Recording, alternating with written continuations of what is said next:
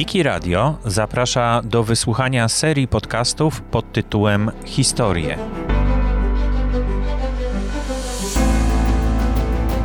Prawdziwe zdarzenia opowiedziane przez tych, którzy je przeżyli.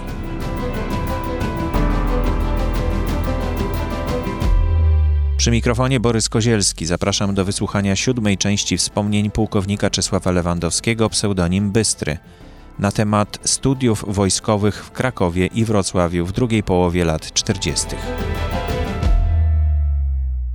Nie ma Artura, lecz chęć szczera zrobi z ciebie oficera. No to ja się zgłosiłem nie mając nic więcej przy tych siedmiu klas i zapisane do szkoły zawodowej. Zgłosiłem się, tam powypełniałem jakieś dokumenty, prawda, o, pułku poszło i bardzo szybko przychodzi rozkaz, tak, zwolnienia mnie z pułku i skierowania w tymże samym, w tym, tejże samej cytadeli do specjalnej kompanii ewentualnych kandydatów do szkół oficerskych. Znalazłem się w takiej kompanii, która liczyła 120 ludzi. Byli to różni, byli powiedzmy ci z y, konspiracji, byli frontowcy i byli tacy, którzy powiedzmy z wojskiem nic nigdy wspólnego nie mieli. Kompania była na specjalnych prawach, podlegała bezpośrednio dowódcy pułku. Trochę inny był typ szkolenia i zajęć niż w całym pułku. No i trzeba przyznać, że kompania była szczególną. No, wyróżniała się w tym wszystkim. Może dlatego, że to byli ochotnicy, a może dlatego, że to byli już z doświadczeniem, ale w każdym razie w skali pułku wyróżniała się i w sporcie, i w dyscyplinie, i, i w muszcze, i we wszystkim.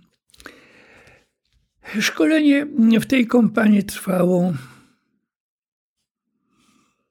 chyba trzy miesiące, może niecałe. Zakończyło się, nas poinformowano, że skończyło się szkolenie, że będzie specjalna komisja kwalifikująca, powiedzmy, wszystkich ewentualnych kandydatów. Przyjechała taka komisja paroosobowa, nie wszystko oficerowie, starsi, prawda. z każdym rozmowa. No i ja też znalazłem się, powiedzmy, przed tą komisją. Wypytywali mnie to owo, prawda, co ja robiłem. Opisałem swój życiorys, prawda, swoje przeżycia e, okupacyjne, swój udział w konspiracji tak, pobyt w obozie. Na tym się skończyło i w końcu usłyszałem, że zostaję zakwalifikowany. Zostałem zakwalifikowany. Po tych rozmowach kompania jest rozwiązana, wszyscy otrzymują tydzień urlopu, otrzymują dokumenty i są kierowani do różnych szkół oficerskich. Ja otrzymałem dokumenty skierujące mnie do oficerskiej szkoły piechoty i kawalerii w Krakowie. Więc ucieszyłem się bardzo, bo miałem tydzień wolny. W międzyczasie jeszcze jak, jak tam trochę pracowałem, trochę już później to, to, to pomieszczenie, to lokum swoje doprowadziłem takiego, do takiego stanu, że można już było nawet w nim mieszkać. Nawet się kawałek okna pojawiło, drzwi się pojawiły. No już w każdym można było tam zamieszkać bez podłogi. O.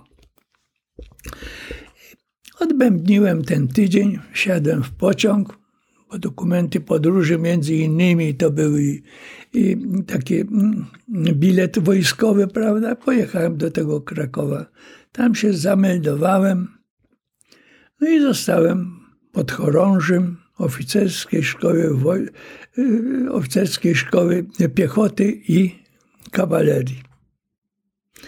No, warunki życia w szkole zupełnie różne od tych, które w pułku.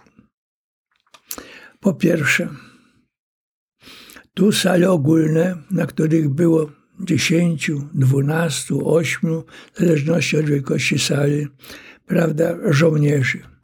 Tam na salach dwóch żołnierzy, dwóch podchorążych. Stoliki, lampki, no i wyżywienie. Od długiego czasu pierwszy raz spotkałem się z białym chlebem i bułkami. Jedzenie przy stoliku, no zupełnie, zupełnie różne od tego. Podobało mi się. Podobało mi się. No, ale muszę jeszcze nieco się wrócić do tego okresu, jak ja byłem w tym związku yy, walki młodych. Ja bym mówię, zupełnie, zupełnie laikiem, jeśli chodzi o polityczne sprawy, bo to mnie nie interesowało. Ale tam mnie wiele spraw zainteresowało. Te rzucone hasła mm, ogólnego, mm, powiedzmy, poszanowania, mało tego. Yy, ogólnego dostępu do, do nauki, ochrony zdrowia.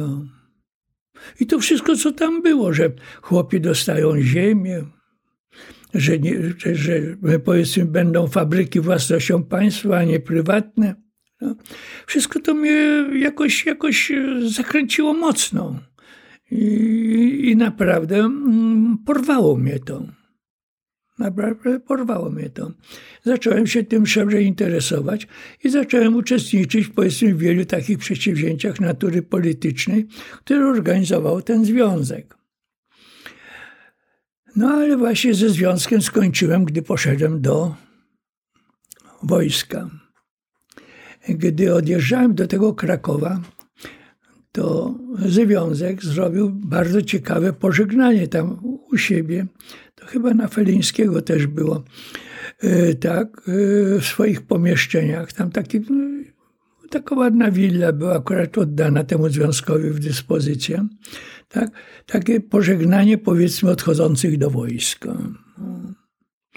Później utrzymywali ze mną korespondencyjny, mm, powiedzmy, jakiś taki kontakt przez długi, długi, długi czas.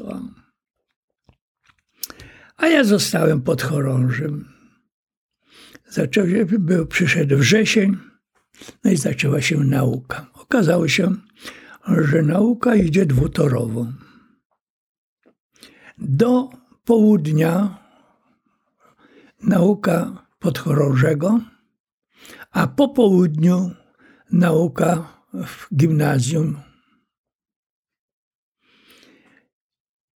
No było dość ciężko. No ale jakoś się wdrożyłem w to wszystko. Jak nieśmieszne.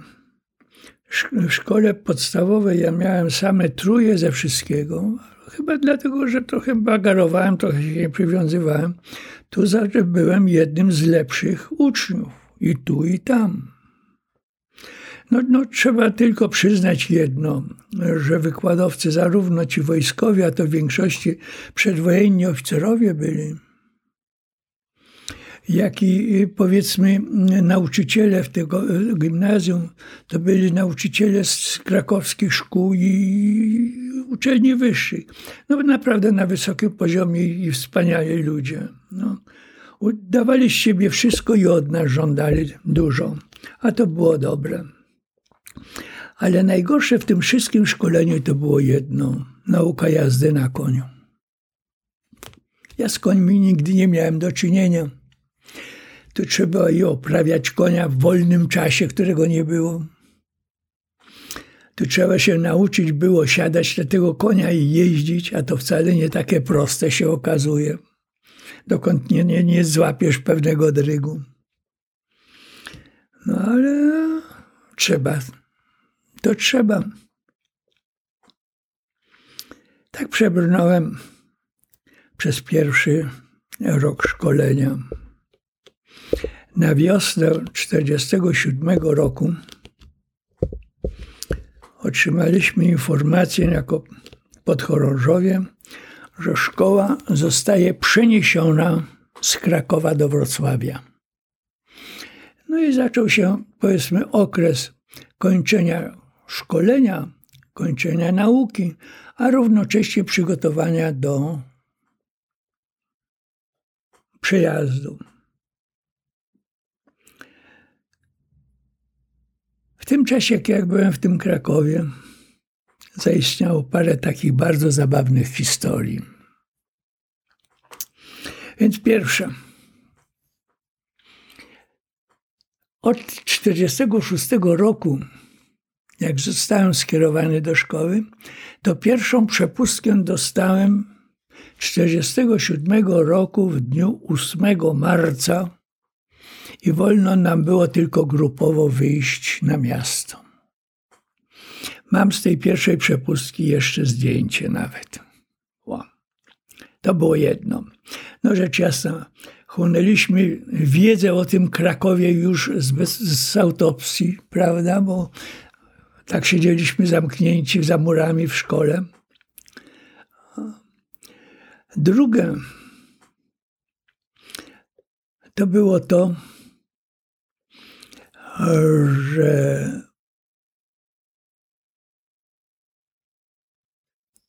jeden z wykładowców szkolenia ogniowego i nauki o broni, kapitan Drek, przedwojenny oficer, no niesamowity znawca broni, niesamowity fajny facet, ale klął u niego nie było innego słowa jak powiedzmy tylko mięso.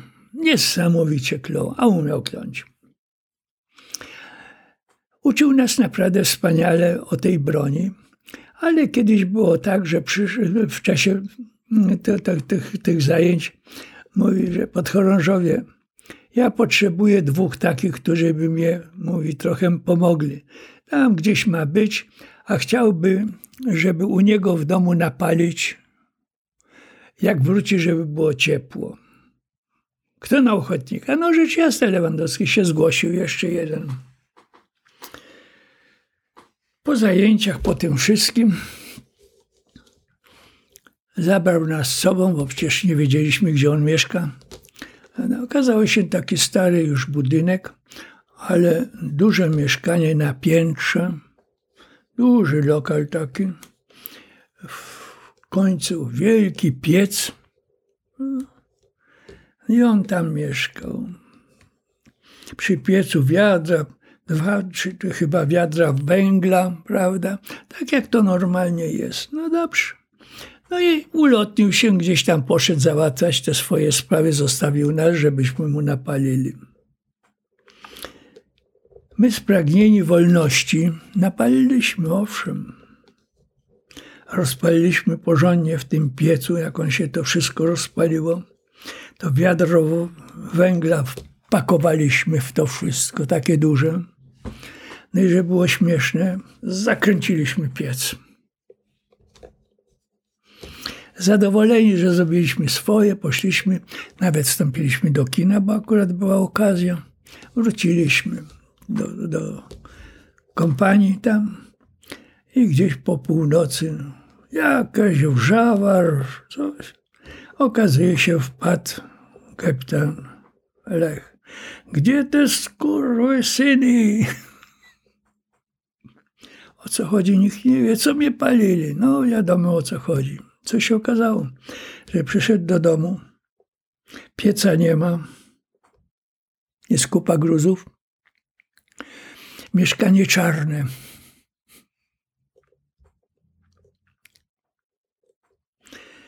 No, my mieliśmy wielkie szczęście, on też, że to był wielki piec i ten gruz przy, przykrył, przywalił cały ten ogień. No po prostu rozwaliło piec, gazy rozwaliły piec. No, my takim piecem, w takim piecu nigdy nie paliliśmy. Nawet nie byliśmy świadomi, że to tak może być, ale tak się stało. No rzecz jasna, u Lecha na cenzurowanym już byliśmy przez cały czas. No, może nie przez cały, ale przez długi okres czasu. I trzecia sprawa w tym Krakowie to była ta, że w Kraków to była szczególna miejsce, które bardzo sprzyjało mm, tym działaniom podziemnym, które były. Tam było ciągłe zagrożenie. I dlatego, jak e, na terenie szkoły pełniliśmy wartę, to zawsze ze szczególną ostrożnością powiedzmy, że się może coś zdarzyć. A już szczególnie to w miejscu, powiedzmy, gdzie, była, gdzie był posterunek wartowniczy, gdzie był magazyn y, paliw i smarów. Ja na jednej z takich wart, to było zimą, chyba już po świętach, stałem zmarznięty jak glut, no ale oczy w koło bo to bywa różnie. Tym bardziej, że ten magazyn był tak trochę od, oddalony od zabudowań. Tam cała taka grupa drzew, takich starych jeszcze była, prawda? O. Stoję. Nagle patrzę, coś mnie miga między drzewami. No więc ja z tym swoim karabinkiem stanąłem za drzewem i się przyglądam. Widzę, że coś miga, jakaś postać. To ja już z daleka krzyczę, stój kto idzie, zgodnie z regulaminem, prawda? Trzy razy krzyczysz, stój kto idzie, a później ci wolno strzelać. Nie ma żadnej odpowiedzi. Drugi, i trzeci raz nic. Jak mnie mignęło, to ja sobie wygarnąłem z tego karabinu. Jak ja wygarnąłem, to ta postać mnie zniknęła. No rzecz jasna, jak był strzał, to zaalarmowana warta. Zaraz dowódca warty ze zmianą znalazł się tam dość szybko, prawda. No powiedziałem o co chodzi. Idą i jest pan kapitan Lech Siedzi na śniegu, narty na nogach i się nie może podnieść. Bez czapki. Okazuje się, że w tym dniu kapitan Lech miał oficera dyżurnego szkoły. I pojechał sobie, chciał ułatwić sobie życie, pojechał na nartach. A nie, że nie umiał jeździć na nartach, nie umiał się zatrzymać. Jak ja krzyczałem, stój kto idzie, to on nie, nie mógł się zatrzymać. Jak ja strzeliłem, to się okazało, że mu przestrzeliłem czapkę. No on już jak siadł, to już siadł. No, sprawa się wyjaśniła. Pan kapitan Lech tylko powiedział, nie zróbcie z tego hecy, już przestańcie o tym mówić. Ale ja już zyskałem sympatię pana Lecha.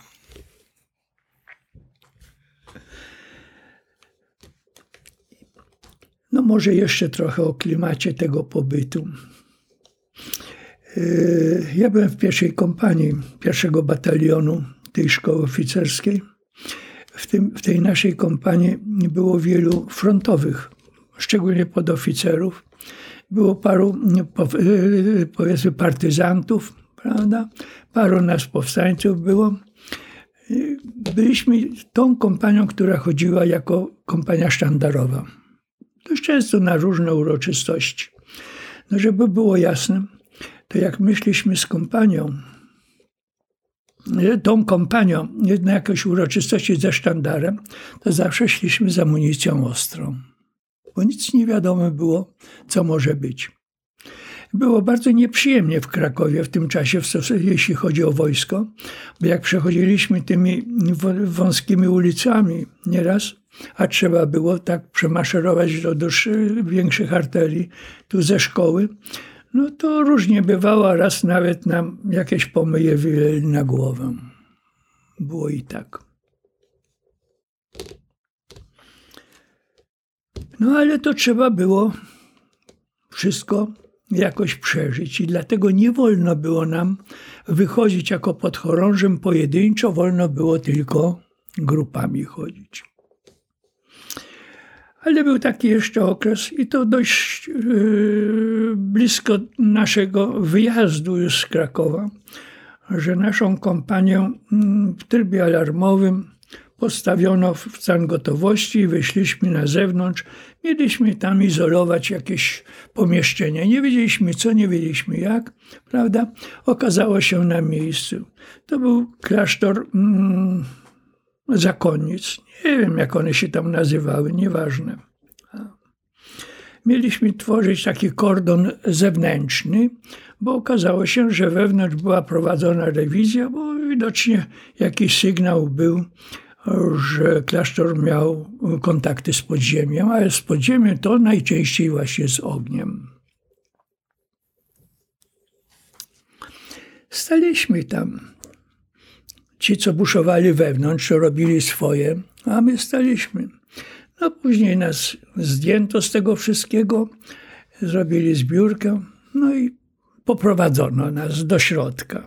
Poszliśmy do środka, wprowadzono nas do pomieszczeń takich piwniczych.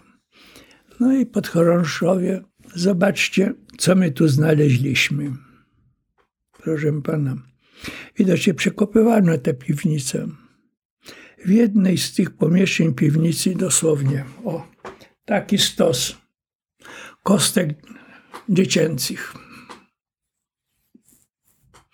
Nie wiem, czy to były powiedzmy pochowane dzieci z okresu okupacji, bo zakonnice dość często, te, te szczególnie żydowskie dzieci chowały, które też ginęły, prawda, umierali. Czy to grzeszne pozostałości zakonnic, no w każdym razie coś takiego nam pokazano. I ostatni epizod właśnie pobytu w Krakowie. To też zimą było, 46 na 47.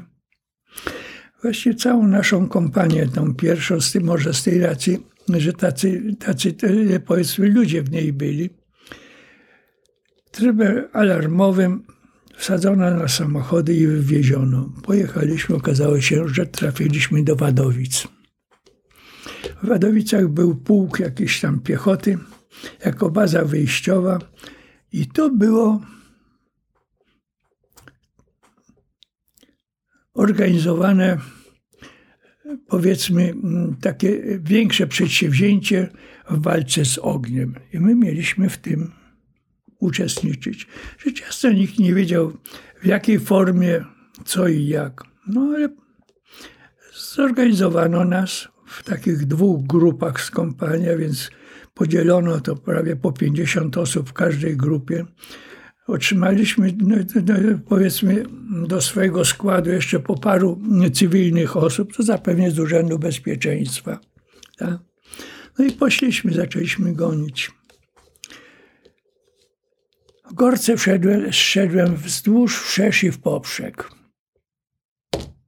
Goniliśmy tego ognia. Bandy ognia, bo to była nie jedna, to było parę band pod jednym kierownictwem. Niesamowite spustoszenie robili tam w terenie podgórskim. Co chwila zamordowany to nauczyciel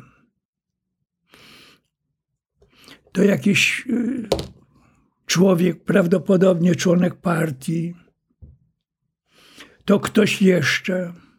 No w każdym razie wszyscy ci, którzy w jakikolwiek sposób uczestniczyli w administrowaniu, w nauczaniu, mm, wyrażali poglądy bliskie nowym władzom, byli w sposób bezlitosny niszczeni. To po prostu mordowani byli, ale to w sposób okrutny byli mordowani. I tak ciągnęło się całymi pasami. No, tych mordów były dziesiątki. Spalonych domów, spalonych mieszkań, zrujnowanych szkół, czego tam nie było. Nawet trafiliśmy na obóz harcerski, gdzie było obrabowany ze wszystkiego, z kocy, ze, ze, ze wszystkiego. Ci harcerze tak jak stali, tak musieli wracać do domu. No i goniliśmy za tymi bandami. To wcale nie było łatwo. Oni mieli bardzo dobre, no, powiedzmy, mm, siatki rozpoznawcze i obserwacyjne. Wiedzieli o prawie każdym naszym kroku, także dopaść ich było bardzo trudno, no ale od czasu do czasu się udawało. No, raz mniej, raz więcej, prawda. Trochę wyłapaliśmy tam, Zapewne paru poległo. z naszej kompanii zginęło trzech żołnierzy jako podchorążych. No i tak wracaliśmy po, po paru dniach takiej gonitwy po górach do pułku. Tam się trochę obmyliśmy, tak, doprowadzaliśmy do porządku, uzupełnialiśmy amunicję i znowu w teren. No.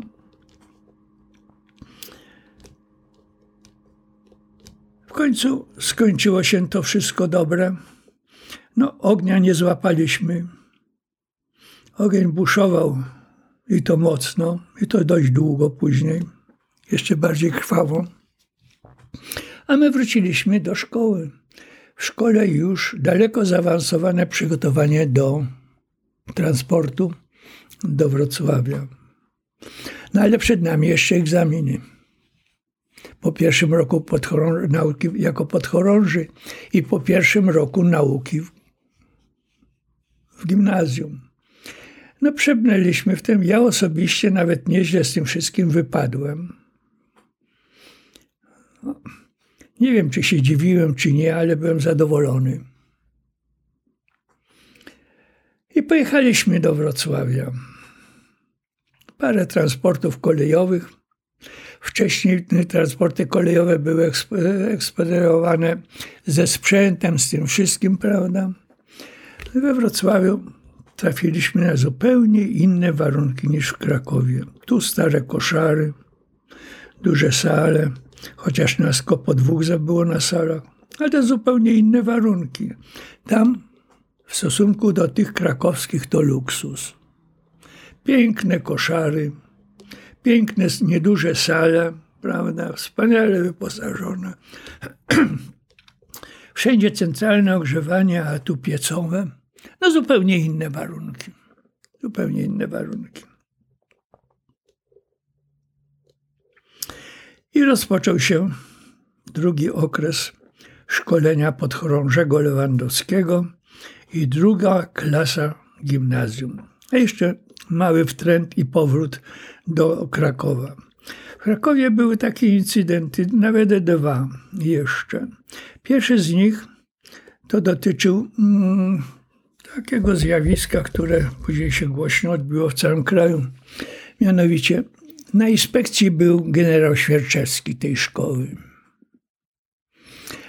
Ja my akurat ćwiczyliśmy na mm, poligonie przykoszarowym, to się tam niedaleko było, prawda? A ćwiczyliśmy mm, szkolenie, czy nawet już strzelanie z moździerzy 82 y, mm. Byliśmy nauczeni, jak postępować, gdy mm, jakieś trudności są, a szczególnie gdy nie, brak jest, powiedzmy, wystrzału, co robić i jak, ale co innego na mm, makietach, a co innego na, na nabojowej amunicji. Była akurat tak, że jeden z pocisków nie wyszedł z lufy, został w lufie. Procedura była taka, że odłączało się lufę od e, tej tarczy poziomej, prawda, przechylało. Tam trzeba było mm, chwycić rękoma wysuwający się pocisk, odłożyć go na bok. No ale to wszystko ze strachem było. A Świerczewski siedział obok i się przyglądał temu wszystkiemu. Widział, jak my się boimy, drżymy w tym. Podniósł się, poszedł i mówi, ja wam pokażę, jak to się robi. Podnieś lufę. No więc ten celowniczy podniósł tą lufę, prawda? Ja trzymałem ten, ten, te nóżki do oparcia. Lufa się przechyliła, pocisk się zaczął wysuwać, a on sobie obie, tak objął rękoma, chwycił ten pocisk, o tak to się robi. Chyba był dwa dni w szkole, pojechał w Bieszczady i tam zginął wówczas.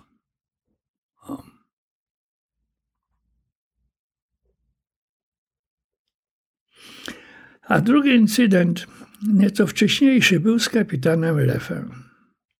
Kapitan Lech, jaki nie był, to był, ale mówię, to był tak straszny kawalarz, ale upadował sobie sekretarkę tam w sztabie i się ożenił z nią. Widocznie jej to odpowiadało. I kiedyś prowadziliśmy strzelanie na tym poligonie przykoszarowym. Rzecz jasna, technika pokazywania celów i tego wszystkiego to była bardzo prymitywna, bo polegało na tym, że żołnierz trzymał tarczę na takim kołku, podnosił ją na sygnał i na sygnał opuszczał, a on sam siedział w dole. A teraz to wszystko jest zautomatyzowane. No i na to strzelanie, no, a on prowadził to strzelanie, pojechała ta jego nowo mm, poślubiona żona. Coś jej tam strzeliło do głowy i się zwraca do niego przy wszystkich podchorążych, że ona by chciała pójść tam z tymi podchorążymi, którzy pokazują tarczę, bo chce usłyszeć świst pocisków, jak lecą. Ale jak lek długo nie czekał. Odwraca się i mówi: Ja po to mam nie po to mam żonę, żeby ją pieprzyli podchorążowie. Skończyło się. No i jesteśmy we Wrocławiu. Rozpoczął się drugi rok szkolenia.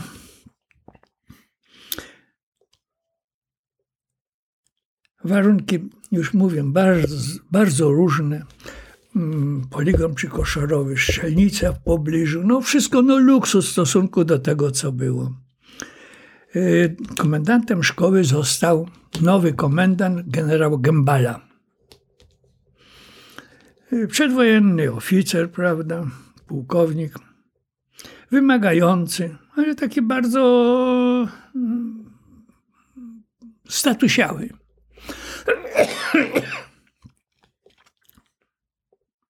Ale sądzę, że na komendanta szkoły to był akurat. Tam zaczęło się szkolenie już zupełnie innego typu. A więc drugi rok to i wymogi są inne. A i w międzyczasie, o właśnie, to jest ważne, jak przyjechaliśmy, poinformowano nas, że szkoła zmienia nazwę. W tej chwili od, od przyjazdu tam, od jakiegoś tam dnia, prawda, zgodnie z rozkazami, jest to szkoła piechoty numer jeden, bez kawalerii.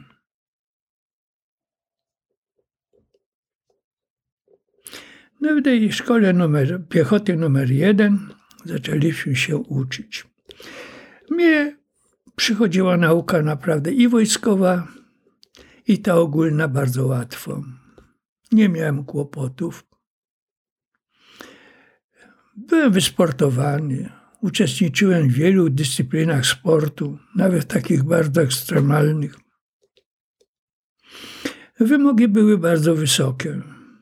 A jeszcze nas poinformowano, że tok szkolenia naszego będzie wynosił 3,5 roku. Pierwszy powojenny wypust okresu pokojowego.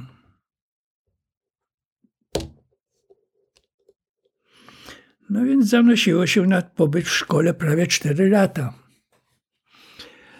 No warunki, warunki powiedzmy bytowania naprawdę wspaniałe.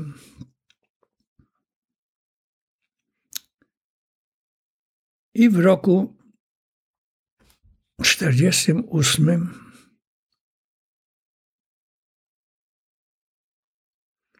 jest Zjednoczenie Organizacji Młodzieżowych.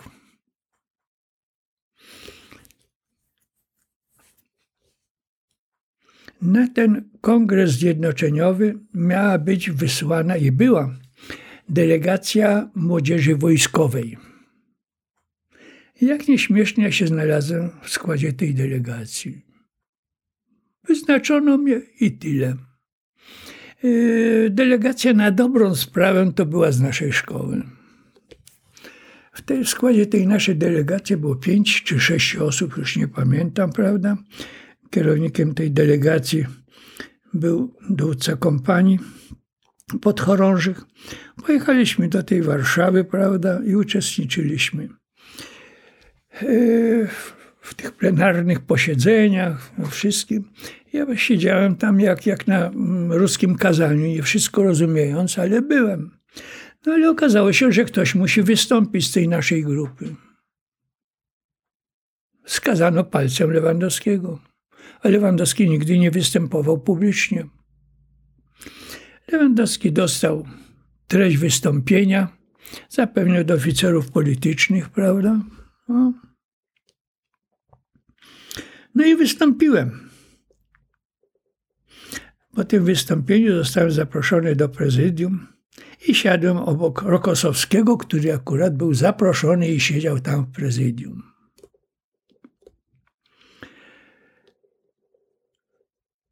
Trwał ten kongres chyba 3 czy 4 dni.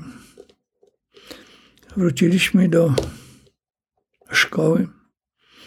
No, trzeba było zdać relację z tego, co się działo.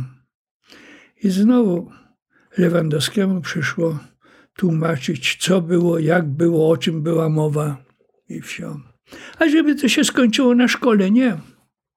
Z taką informacją ja musiałem jeździć jako delegat na ten kongres po całym okręgu wojskowym. A więc w tym czasie we Wrocławiu była szkoła wojsk inżynieryjnych, zresztą jest dotychczas.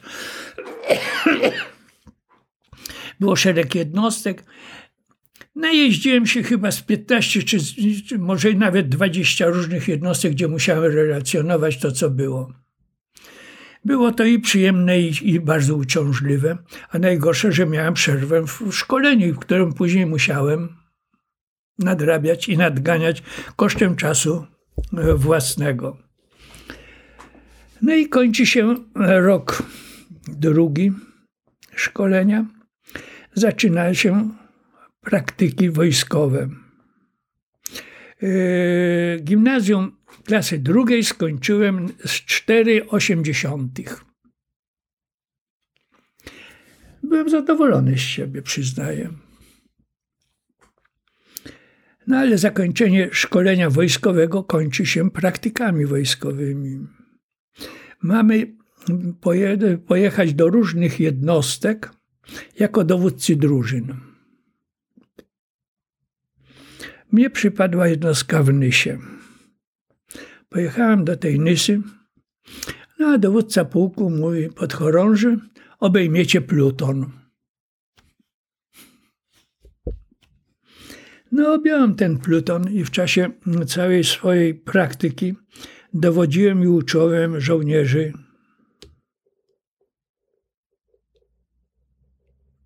plutonu. Musiało być to nieźle, bo dostałem powiedzmy taką pochwałę od dowódcy pułku, która przyszła do szkoły w podzięce za dobre przygotowanie podchorążego i przekazanie wiedzy żołnierzom, prawda. Odczytano to przed frontem całej szkoły. No byłem zadowolony. No w każdym razie byłem jednym z przodujących podchorążych. Tak krótko można powiedzieć. Od pierwszego roku szkolenia. Na drugim się tak samo skończyło. Wrocław w tym czasie był bardzo zburzony.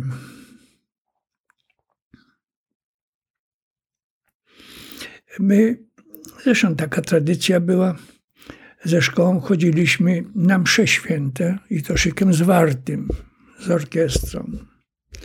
Kiedyś idąc, powiedzmy, już wracaliśmy z tej mszy, idąc przez most nam do siebie, od noże, ktoś rzucił w przechodzącą kompanię zapalnik od granatu, który wybuchł. Nic nikomu się nie stało, ale, ale mm, było zdarzenie nie z tej, nie z tej ziemi.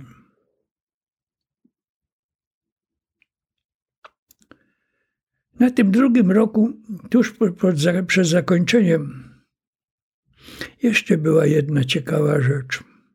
Mieliśmy strzelanie z pistoletu. W tym czasie na uzbrojenie wojsk wchodził pistolet własnej produkcji, to znaczy już polskiej produkcji na licencji, te, pistolet TT 9 mm. Jeszcze mieliśmy odbyć jedno z kolejnych strzelań tam na strzelnicy y, przyszkolnej. I w czasie strzelania okazało się, że przede mną strzelało dwóch. Ja poszedłem jako trzeci strzelać i przy oddaniu strzału pistolet rozwaliło zupełnie. Efekt. Miałem całą poszarpaną dłoń, zresztą dotychczas jeszcze skurcze mam. I najgorzej z tego wszystkiego dwa odłamki wokół. No trafiłem do szpitala wojskowego we Wrocławiu. Okazało się, że jeden ten odłamek metalowy jakimś tam elektromagnesem wyciągnęli, a drugi y, drogą operacyjną. Trochę było kłopotu z tym okiem, no ale zarówno dłoń, jak i powiedzmy oko się po pewnym czasie zagoiło. Mnie nie zwolnili z wojska, naukę kontynuowałem dalej. Dlaczego tak było, nie wiadomo. Prawdopodobnie to była amunicja okresu wojennego i była jakaś niedokładność w tej amunicji i pocisk, roz, znaczy pocisk nie wyszedł, a roz, ten proch rozwalił cały pistolet. Zupełnie rozwalił. Na tym drugim roku jeszcze była taka ciekawa jedna historia, ale to już natury osobistej. Mianowicie, mój, ze mną był e, ten mój kolega Piecyk e, Gienek. Okazało się, że on we Wrocławiu ma jakąś rodzinę. To ciocia, czy, cio, czy, czy, czy pociocia, nie wiem, ja się na tym wszystkim nie wyznawałem, ale wiem, że była. No i on tam dość często z nimi miał kontakt, do nich jeździł, prawda, jak była przepustka. No i kiedyś przychodzi, mówi Czesław, mówi, organizują, yy, uciotki organizują zabawę. Idziemy? Ja idziemy. Okazuje się, że ciocia była jedną z członkiń tych organizacji przykościelnych. I ta zabawa była w, zabudowach kościoła. No ale poszliśmy. Okazało się, że ciocia ma bardzo ładną córeczkę. Tak. No. A córeczka na zabawę przyszła ze swoją koleżanką. No więc ja się zainteresowałem tą córeczką cioci, no bo przecież jemu nie wypadało w rodzinie tam kogoś podrywać a on tą drugą dziewczynę. Ta dziewczyna, córeczka cioci, taka potulna, taka... No, zatańczyliśmy raz, drugi, trzeci. Przyznam, że już dawno, dawno nie tańczyłem, no, ale udało się. Mi się zdawało, że ja nie umiem tańczyć. Okazało się, że jakoś się tam kręcę. No i był taki moment, że ta dziewczyna mówi: Słuchaj, mi jest gorąco, chodź wyjdziemy na zewnątrz.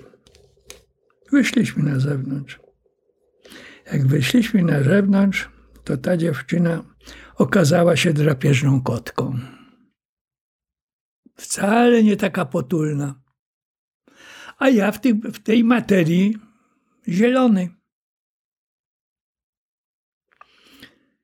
No i w końcu usłyszałem, że jestem wielką dupą. I ona miała rację. Ale taka była prawda. No, wróciliśmy, prawda? Skończyła się zabawa. Wróciliśmy do siebie. Kontakt się urwał. Ale po pewnym czasie, chyba po, po roku, może więcej, nie wiem, w jakichś takich okolicznościach, ja tą dziewczynę spotkałem. Dziewczyna bardzo mnie przepraszała za wszystko. Powiedziała, że to nie ona, nie ja, tylko ona była nie, nie w porządku. No i żeby utrzymać dalszy kontakt. No ale ja już od tego byłem daleki. Jak, jak, jak być do pontu, już być do końca. Po zakończeniu drugiego roku nauki otrzymaliśmy urlop jako podchorążacy na miesiąc czasu. Rzecz jasna ja przyjechałem do Warszawy.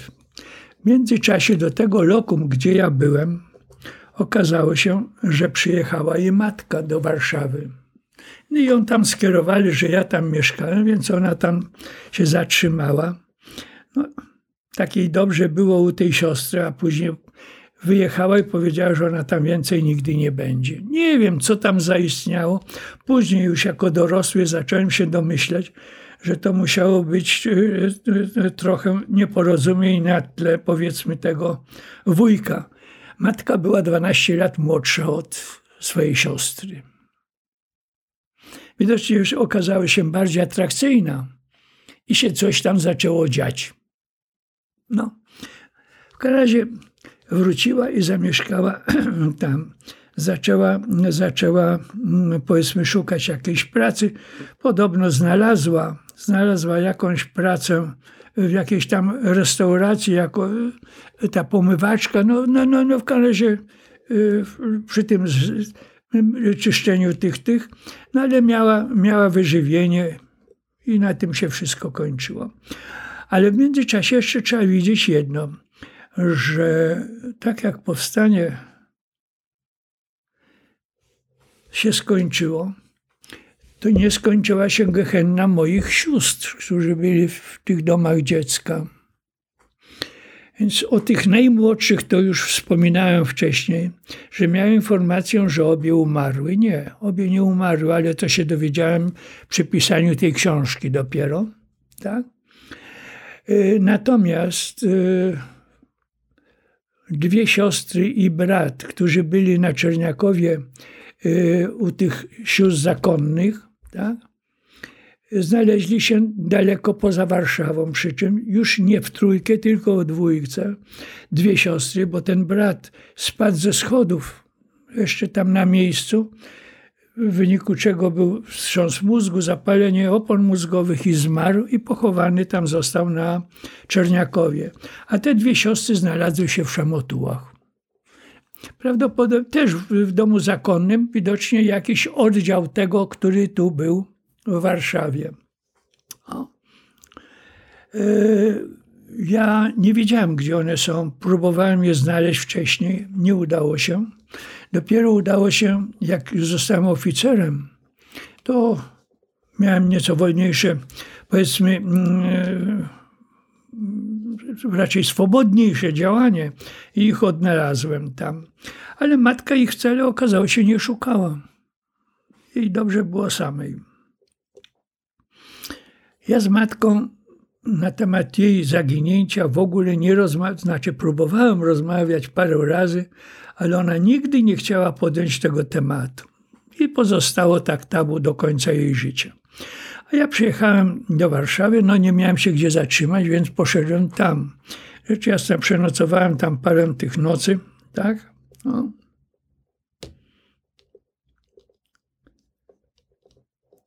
Poszedłem do tego związku swojego, no już w tej chwili po zjednoczeniu trochę inaczej się nazywał. Nie znalazłem tam już nikogo z tych, którzy byli ze mną. Okazało się, że to towarzystwo rozjechało się jedni do, na różne uczelnie, inni na różne stanowiska, powiedzmy, prawda, do pracy, ale w późniejszym okresie, ja wybiegam naprzód, w późniejszym okresie już y, przy uformowaniu się tych władz, prawda, uspokojeniu się u nas trochę. Ich nazwiska figurowały w wielu tych, powiedzmy, nagłówkach i gazet, i innych informacji. No, każdy znaleźli się na eksponowanych w większości stanowiskach. Byłem tu w Warszawie i pierwszy raz byłem w teatrze.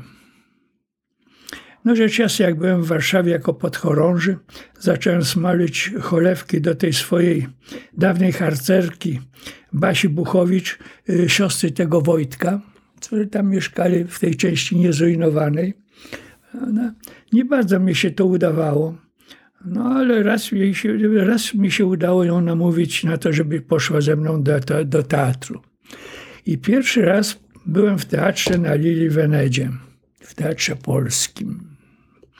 Wrażenie niesamowite, prawda? Nie robiące wrażenia na mojej dziewczynie. No widocznie tak to musiało być. O. Skończył się urlop. Lewandowski powędrował do Wrocławia. No i zaczął się trzeci rok nauki. to już był trudny okres czasu. A na drugim, na 48, tak. Nie, to było w 49, dobrze. Yy, zaczął się trudny okres nauki. No i kończenie gimnazjum. Wybiegam do przodu. Gimnazjum skończyłem z ogólną oceną 4,75. Tak na świadectwie otrzymałem, czyli się nieźle uczyłem. Yy, jako podchorąży byłem przodującym podchorążym w całej szkole. I w 1949 roku w maju była organizowana, czy w maju chyba, czy w lipcu, nie chyba w maju, potężna defilada w Warszawie. Y, trasa przemarszu wzdłuż ulicy Marszałkowskiej, tu od Królewskiej, tam w kierunku Zbawiciela. Szkoła bierze udział w defiladzie. Ze szkoły został wytypowany batalion trzeciego rocznika. Więc ja już byłem na trzecim roku z tymi trzema paskami. Bohater. No więc zaczęło się przygotowanie do defilady tam na miejscu, wyfasowanie nowych umundurowań, no wszystko z tym związane, żeby to ładnie wyglądało, bo to przecież wszystko szło na pokaz. Po tym przeszkoleniu, przemundurowaniu we Wrocławiu, wyjazd do Warszawy i prawie przez dwa tygodnie doskonalenie muszty w Warszawie na Okęciu, na lotnisku. Skórę dostaliśmy niesamowicie, bo tych szkoleń z muszty, prze, przemarszów i tym podobnie była taka masa, że aż przeraża. No i nadszedł dzień defilady wypucowani, wyglansowani, wystrojeni. Stawiliśmy się tam, gdzie trzeba. Mamy otwierać całą defiladę. A nasz czworobok szyku defiladowego, bo to nie był taki, taki był uszykowany to było chyba 12, w szeregu 12 żołnierzy było tak i 12 tak. I ja byłem na prawym skrzydle, pierwszym. Ode mnie wiele zależało. No, podobno z tej musztry byłem jednym z, le, z lepszych albo najlepszych. No, ale, ale to jest obowiązek. No i idziemy. I słyszę przez megafony.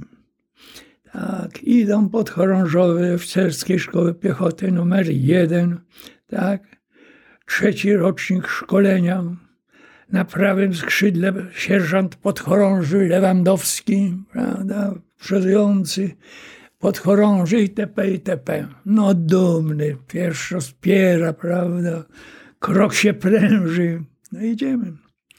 Przymaszerowaliśmy tak defilada się udała. Rzeczywiście była wspaniałą defiladą. No ale ile wysiłków w to włożyliśmy, ile ja odczułem osobiście, to tylko ja wiem. Wróciliśmy do tego Wrocławia po, tym, po tej defiladzie i trzeba było nadrabiać wszystko to, co w międzyczasie było niedorobione. No i nie było już dnia wolnego, nie było powiedzmy godzin wolnych po południu. Wszystko trzeba było. No udało się, udało się. I tak w tym szkoleniu, w takim powiedzmy entuzjazmie już zaczęliśmy się zbliżać do trzeciego roku, do końca trzeciego roku szkolenia. Tu przed nami państwowy egzamin szkolenia wojskowego. I na dobrą sprawę państwowy egzamin właśnie z tego gimnazjum, bo była powołana zapewne przez kuratorium komisja, która egzaminowała nas. No i jedno i drugie jakoś tam wypadło dobrze. Ja ze wszystkich wojskowych przedmiotów, które były, otrzymałem jedną czwórkę, a tych przedmiotów było 16.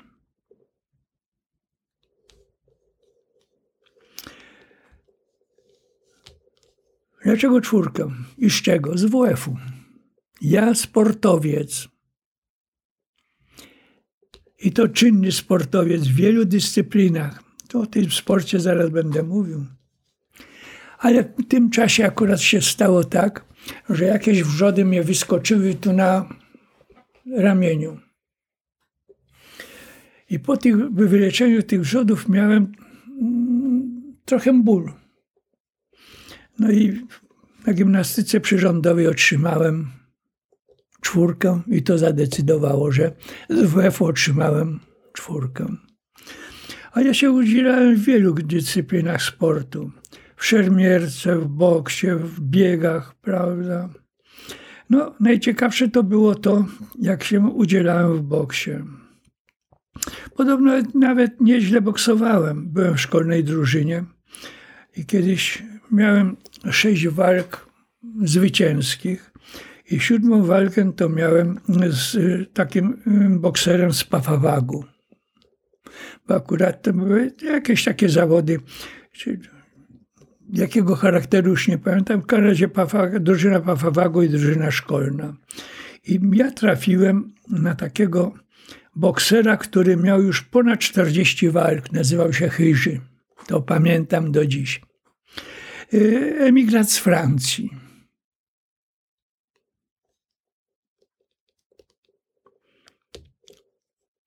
No, wyszedłem na ten ring.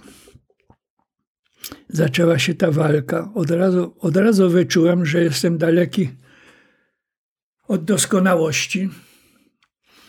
Zostałem zbity na kwaśne jabłko, ale wytrzymałem. Ale oduczyłem się boksu. Już więcej nie boksowałem. No później jeszcze tylko boksowałem, ale dla własnej przyjemności. A skąd ten chyży się znalazł i jak to się działo? Okazało się, że w 1948 roku pod koniec do kraju wrócił taki uzbrojony pododdział emigrantów z Francji. Żołnierzy polskich z Francji. Uzbrojonych w stare karabiny, no ale nieważne, ale były. Później ci żołnierze z Francji, część poszła do milicji, część poszła tam do tych służb bezpieczeństwa, część poszła do wojska, prawda, część do szkół oficerskich, a część do pracy. I ten Chyży trafił do Pafawago tam do pracy. A z tej racji, że on był zaawansowanym bokserem, no to był w tej drużynie Pafawagu i tam dostałem skórę. Ale, ale na drugim roku szkolenia uczestniczyłem jeszcze w olimpiadach e, tych wojskowych, zarówno krajowych, jak i w, w tych układzie e, powiedzmy międzynarodowym. W dwóch dyscyplinach, w szermierce i w strzelaniu. I była trzecia taka dyscyplina bardzo nietypowa, Y, nazywała się marszochód. Polegała na tym, że się szło marszem 20 kilometrów, 5 kilometrów się biegało i na zakończenie tego wszystkiego się strzelało. A cały marsz odbywał się z uzbrojeniem takim, jakim byłeś wyposażony. A ja na nieszczęście cały czas pobytu w szkole oficerskiej obsługiwałem karabin, ręczny karabin maszynowy Dektarowa, który ważył 11 kilo. I my tak trzy razy w tygodniu robiliśmy taki trening tego marszu, prawda? Bo to chodziło i o czas, i o skutki strzelania. No i występowałem, powiedzmy, z tym naszym już zespołem w tych zawodach na Olimpiadzie Wojskowej. W biegach byłem wicemistrzem okręgu wrocławskiego na 400 i na 800 metrów, więc nie było źle. W szermierce byłem mistrzem w walce na magnety. No i dużo jeszcze ćwiczyłem gimnastyki przyrządowej, ale stąd nie występowałem już nigdzie. No i z takim bagażem poszedłem na trzeci rok nauki jako podchorąży.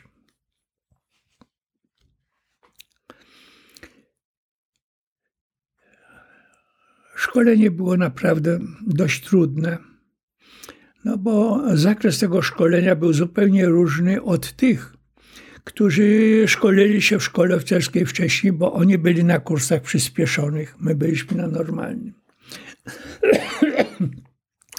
No i jeszcze jedno kuriozum. W szkole pojawił się jeszcze jeden pododdział na skróconym szkoleniu.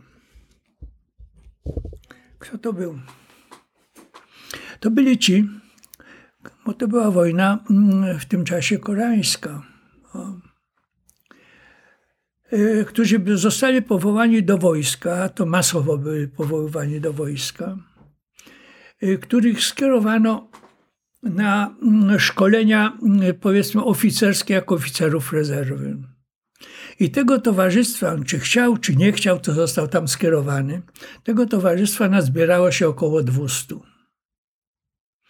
I oni przechodzili prawie półtora, półtora roku, prawie dwa lata szkolenie i byli y, awansowani na pierwszy, jeżeli zdali egzamin, na pierwszy stopień oficerski, prawda, jako oficerowie rezerwy. część z nich została wcielona do wojska, część z nich została zwolniona do cywila. I my się przygotowaliśmy do egzaminów i oni się też przygotowywali do egzaminów. No.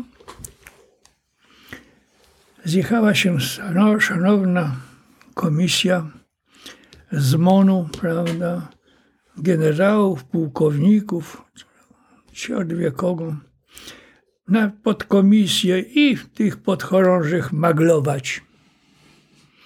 No ciężko to było zdać, no ale, ale zdaliśmy.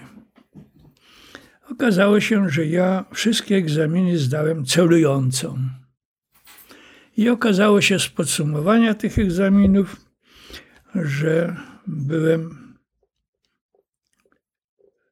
jednym z który zdał najlepiej w całej szkole. A więc zostałem prymusem szkoły.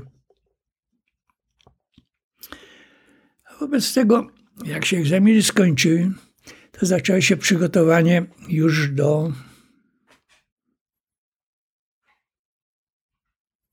ostatniego etapu.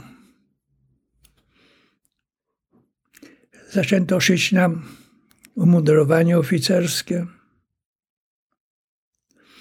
wyposażać nas. Zostaliśmy, powiedzmy, przyjęci zupełnie na innych prawach. Już na prawach oficerów, którzy nie muszą się meldować, gdzie idą i kiedy idą, aby się zapisać, powiedzmy, że wychodzi. O. No w ogóle już zupełnie na innych prawach. No i wszystkie przygotowania do promocji.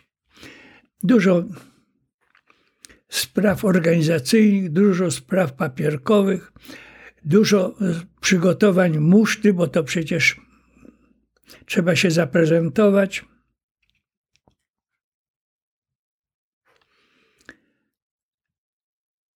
I informacja. Podchorążowie możecie zaprosić na promocję rodziny.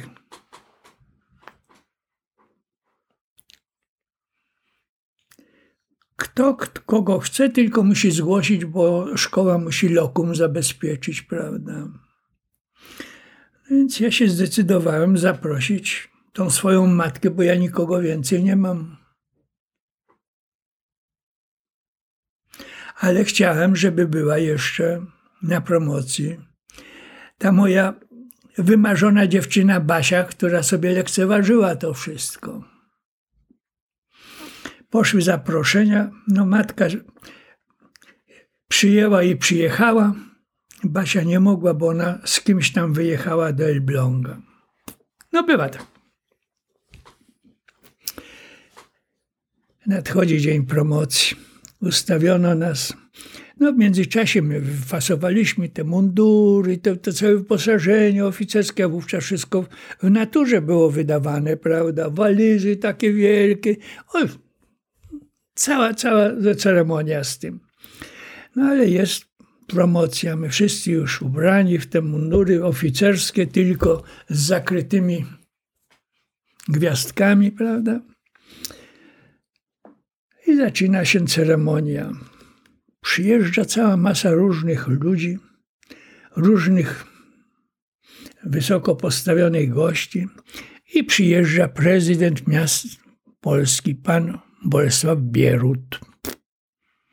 Przyjeżdża Rzemirski, no wszyscy, przy, całe, całe naczelstwo rządowe przyjeżdża, dlatego że to pierwsza powojenna już czasu pokojowego promocja podchorążych. I promuje prezydent, Warszawy, prezydent Polski Bolesław Bierut. Nie marszałek Polski, tylko prezydent. Ustawiono nas, odczytano te rozkazy, prawda, to wszystko. No i jest komenda. Sierżant podchorąży Czesław Lewandowski do promocji wystąp jako prymus. Występuję tam, cała szkoła stoi wyszykowana, prawda? No, tych gości do ciorta występuje. Łydki się trzęsą, ale idę. Wymaszerowałem, stanąłem. Podchodzi prezydent Bierut z szablą jak lęknąłem, mianuję was na stopień podporucznika. Ku chwale ojczyzny podniosłem się, uścisnął mnie dłoń, zrobiłem w tył zwrot i poszedłem do szeregu. Wszyscy, i, no, brawa jakieś tam, jeszcze coś, no.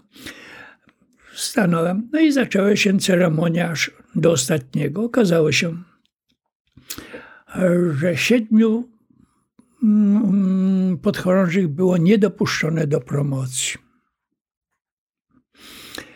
Że na stopień było, a w sumie promowano nas 302. Y, y, że 102 y, otrzymało stopień chorążego, a reszta stopień podporucznika. Po promocji, defilada dla nas, ostatnia defilada. No więc prężymy się, prawda, przed tym naczelstwem, jak można. Przemaszerowaliśmy, przed tymi gośćmi przemaszerowaliśmy. No, rozejść się, poszliśmy się przebrać trochę, no i dopiero spotkanie z rodzinami. No i usłyszałem od matki, że mnie matka wyszkoliła na oficera. Dobra. Może być i tak. Następnie po promocji jest galowy obiad. A więc wszyscy, którzy byli uczestnikami promocji, więc zarówno goście, jak i uczestnicy podchorążowie, prawda, i rodziny, zaproszeni na obiad tak, do takiej wielkiej hali sportowej. A z tej racji, że ja byłem tym prymusem, to mnie posadzono obok prezydenta, a obok niej, znaczy obok, posadzono jeszcze matkę jako matkę prymusa.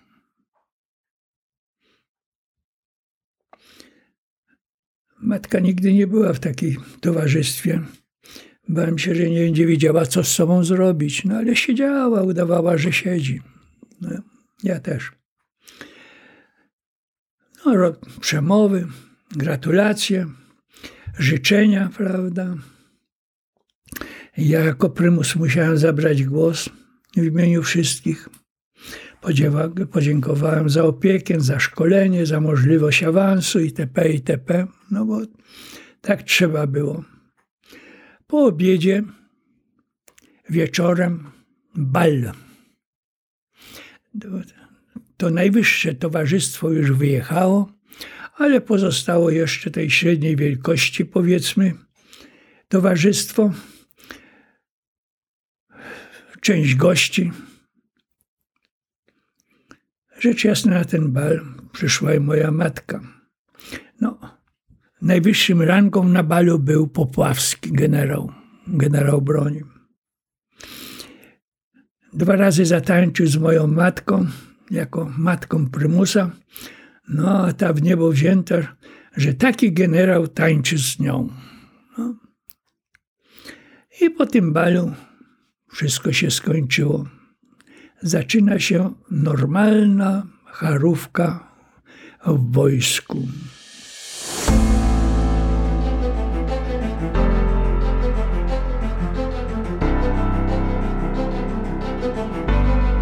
Nagranie zarejestrowane w marcu 2021 roku.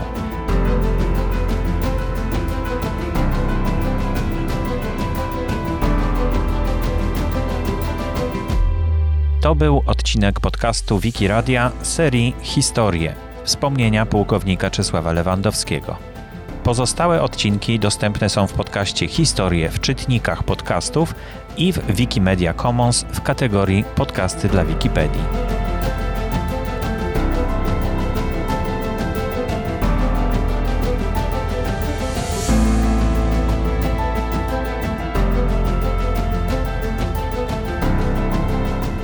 Projekt jest realizowany w ramach nieodpłatnej działalności statutowej Fundacji Otwórz się.